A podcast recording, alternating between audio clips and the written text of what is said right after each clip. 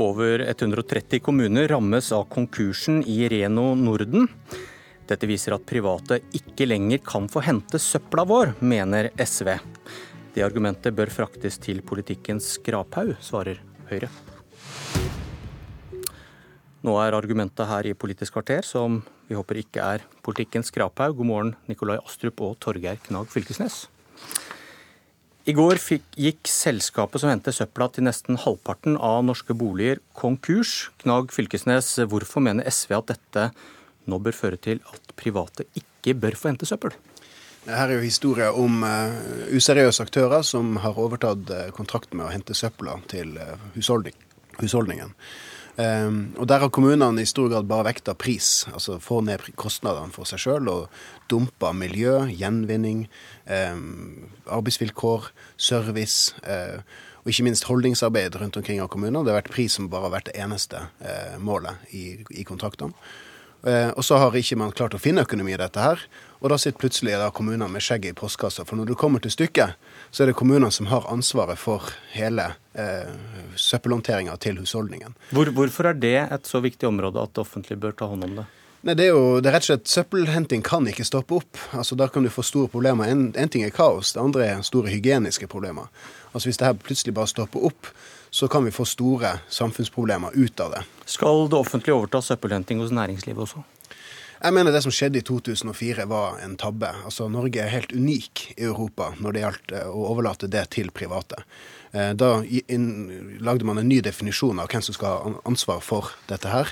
Eh, der man sa det som går til produksjon, det som, der det produseres søppel, det skal, det, av, det skal håndteres av private, mens husholdninger der skal Men er, er, det du sier at både til husholdninger, industri og næringsliv, så bør det offentlige ta seg av uh, søppelhenting? Det, det, offentlige skal ha ansvaret for det. De skal ha ansvar for planlegging av det, og det bør også være i deres regi. Uh, det er en kritisk infrastruktur, og da mener jeg at man ikke bør ri ideologiske kjepphester, men heller bruke fornuft når man skal løse de her type samfunnsoppgaver. Det som vi har sett med denne renovasjonsskandalen som nå rammer en tredjedel av norske kommuner, og tidligere har ramma Oslo, det viser jo at det er kommunen og innbyggerne som sitter med skjegg i postkassa eh, når skandalen er et faktum. Og det har ikke klart å bevise noen grad av innovasjon ved å drive denne konkurranseutsettinga. Det som har skjedd, det er at eh, man dumper arbeidsvilkår, man har svekka miljøsatsinga. Det har rett og slett blitt et dårligere tilbud av det. Og ikke minst hele transaksjonskostnadene er det innbyggerne som sitter igjen med.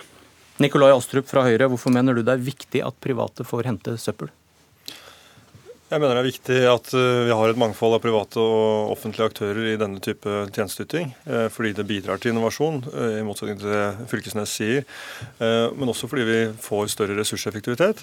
Og det er klart Den situasjonen som har oppstått nå, det er veldig uheldig. Men i dag så ruller da andre norske private gjenvinningsbedrifter i mange av de kommunene som er rammet av dette. Og Det viser jo fordelen ved å ha et stort privat marked. Det kommunale, den kommunale søppelinnhentingen står for 20% av markedet. Og i den øvrige 80 av markedet så har vi aldri hørt om noen problemer med innhenting av avfall, være det seg spesialavfall fra industrien, næringsliv eller annet. Eh, og det jeg hører Fylkesnes si, er at dette skal, alt dette skal gjøres offentlig, og vi skal ha et offentlig mellomledd i noe som har fungert privat hele tiden. Det er veldig spesielt. Og når han sier at eh, det ikke eh, har vært noe innovasjon i dette, så er det helt feil. Her ligger det en masse krav fra kommunen også om at man skal ha flere miljøvennlige biler, man skal stille krav til hvordan søppelet skal håndteres osv. Fordi søppel jo ikke lenger bare er søppel. Søppel er en ressurs som skal brukes som innsatsfaktor i en sirkulær økonomi, komme tilbake, gjenbrukes eh, eh, og energigjenvendes osv. Da trenger vi også andre aktører med på, på laget. Jeg, kommunene står fritt i dag til å, til å ha monopol på innhenting av husholdningsavfall. Helt greit. Men jeg tror det er bra for bransjen som helhet at vi har store, sterke private aktører også. For dette er industri, og kommunen har ikke noe spesiell kompetanse på å drive industri. Og Vi ser jo også at Oslo nå sliter med sin egen innhenting, eh, når de nå har eh, opprettet en etat igjen etter etter, ha, etter, at Raymond Johansen faktisk satte dette ut på anbud på begynnelsen av 90-tallet. Og det som, fungerte som veldig fint frem til 2015, så hadde vi et feilskjær. Men det er viktig at kommunene selvfølgelig har kompetanse og ettergår de anbudene som de, som de eh, inngår. Fylkesnes, når et offentlig sykehjem svikter, da hører vi ikke noe rop om, eh, fra dere om at nå må vi få private løsninger? Altså, Dette er ett råttent egg? er det det? Hvis et offentlig sykehjem plutselig blir konkurs, slår seg sjøl konkurs og avslutter sin virksomhet på dagen, så kan man jo ikke sette eh, syke mennesker på gata. Så Da må det offentlige inn og ta over ansvaret. Og Det som er spesielt med denne situasjonen her, det er at de slår seg sjøl konkurs, avslutter eh, sin virksomhet på dagen. Eh, og, og da må det offentlige inn. Det er kommuner da som ikke har drevet på med renovasjon sjøl på lang lang tid. Plutselig skal de overta masse renovatører, masse biler, drive på med virksomhet de ikke har gjort på kanskje mange år. Eh, det sier seg sjøl at man setter seg sjøl i en helt, sånn, eh, helt håpløs eh, kattepine. Og Bare ta et eksempel da på innovasjon. fordi Jeg har store problemer med å finne at den prisdumpinga som man har drevet på med fra kommunenes side, har ført til noen som helst form for innovasjon. Remix i Tromsø det er et selskap som er eid 100% av Karlsøy og Tromsø. Der har man siden 97 eh, redusert antallet innovatører med 50 eh, Samtidig som eh, tjenestene har blitt vesentlig mye bedre. Publikum er kjempegodt fornøyd. For et par helger siden var det 2000 mennesker som kom på åpen dag.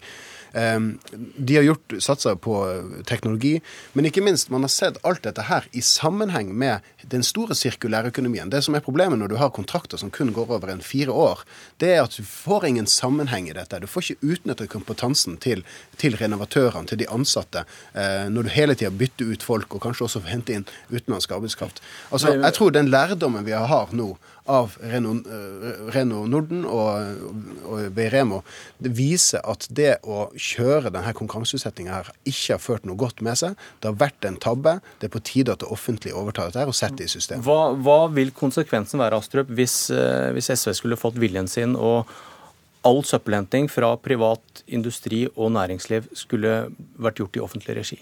Ja, det, det ville ikke vært mulig å gjøre på kort sikt. Fordi vi har ikke kompetansen, vi har ikke systemene. Eh, og dette er et system som fungerer Det er vel mulig, mulig hvis man ønsker å gjennomføre det og mener på, det er viktig nok, da? Ikke på kort sikt. Altså, det, det må bygges opp kompetanse og, og, som vi ikke har. Og det er heller ikke hensiktsmessig, og jeg ser ikke poenget med å gjøre det. Um, og det vi snakker om i realiteten, det er jo innhenting av husholdningsavfall. Så går dette avfallet videre. Der kan kommunen stille krav til hvordan det skal behandles.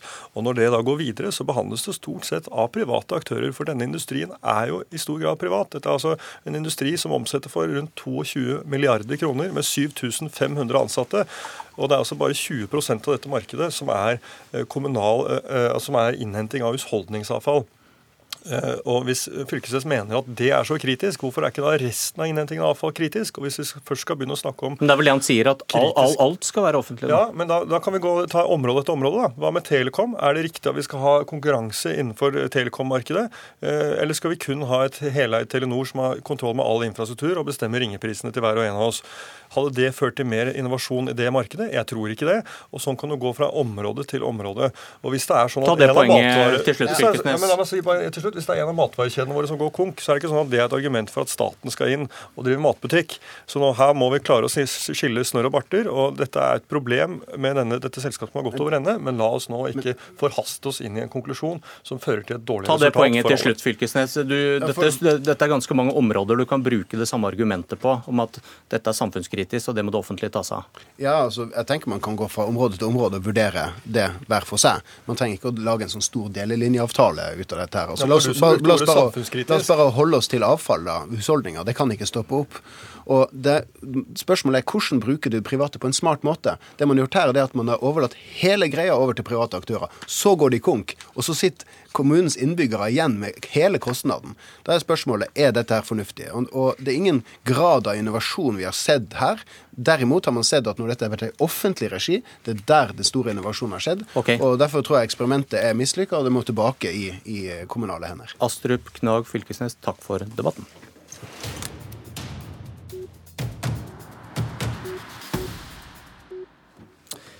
I dag samler Trine Skei Grande sin stortingsgruppe på åtte. De skal begynne jobben med å finne ut hvordan Venstre skal samarbeide med regjeringen. De må finne ut om det fremdeles er svært lite sannsynlig, for å låne Skei Grandes egne ord, at de blir med i samme regjering som Fremskrittspartiet. Lars Nehru Sand, politisk kommentator i NRK, hvordan kommer dette til å skride fram nå? Nå har jo partiene svært god tid. Det er nok det som skiller de litt fra, fra, for fire år siden, at det ikke er noe frister. Regjeringen sitter.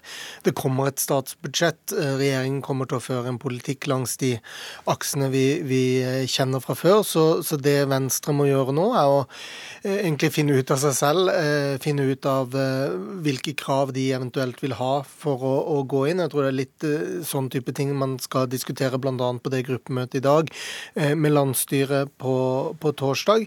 Eh, så det som er viktig for Venstre nå, er å, å definere seg selv. Eh, de skal bruke mye tid på å definere hva Venstre vil være i årene som kommer, eh, frem mot 2021. De skal gå til valg igjen om fire år, og har vel sett nå at det å gå til valg på å ikke være for regjeringen, men ikke være mot regjeringen, er et krevende standpunkt i en, i en valgkamp. Så det er litt den type ting man, man nå må se på internt i partiet. Er, er det sånn at de, de raskt vil måtte avklare drømmen om en regjering uten Frp, når de da møter Erna Solberg og Siv Jensen? Er det det første punktet, at de må liksom avklare den, eh, den der, som de har håpet på?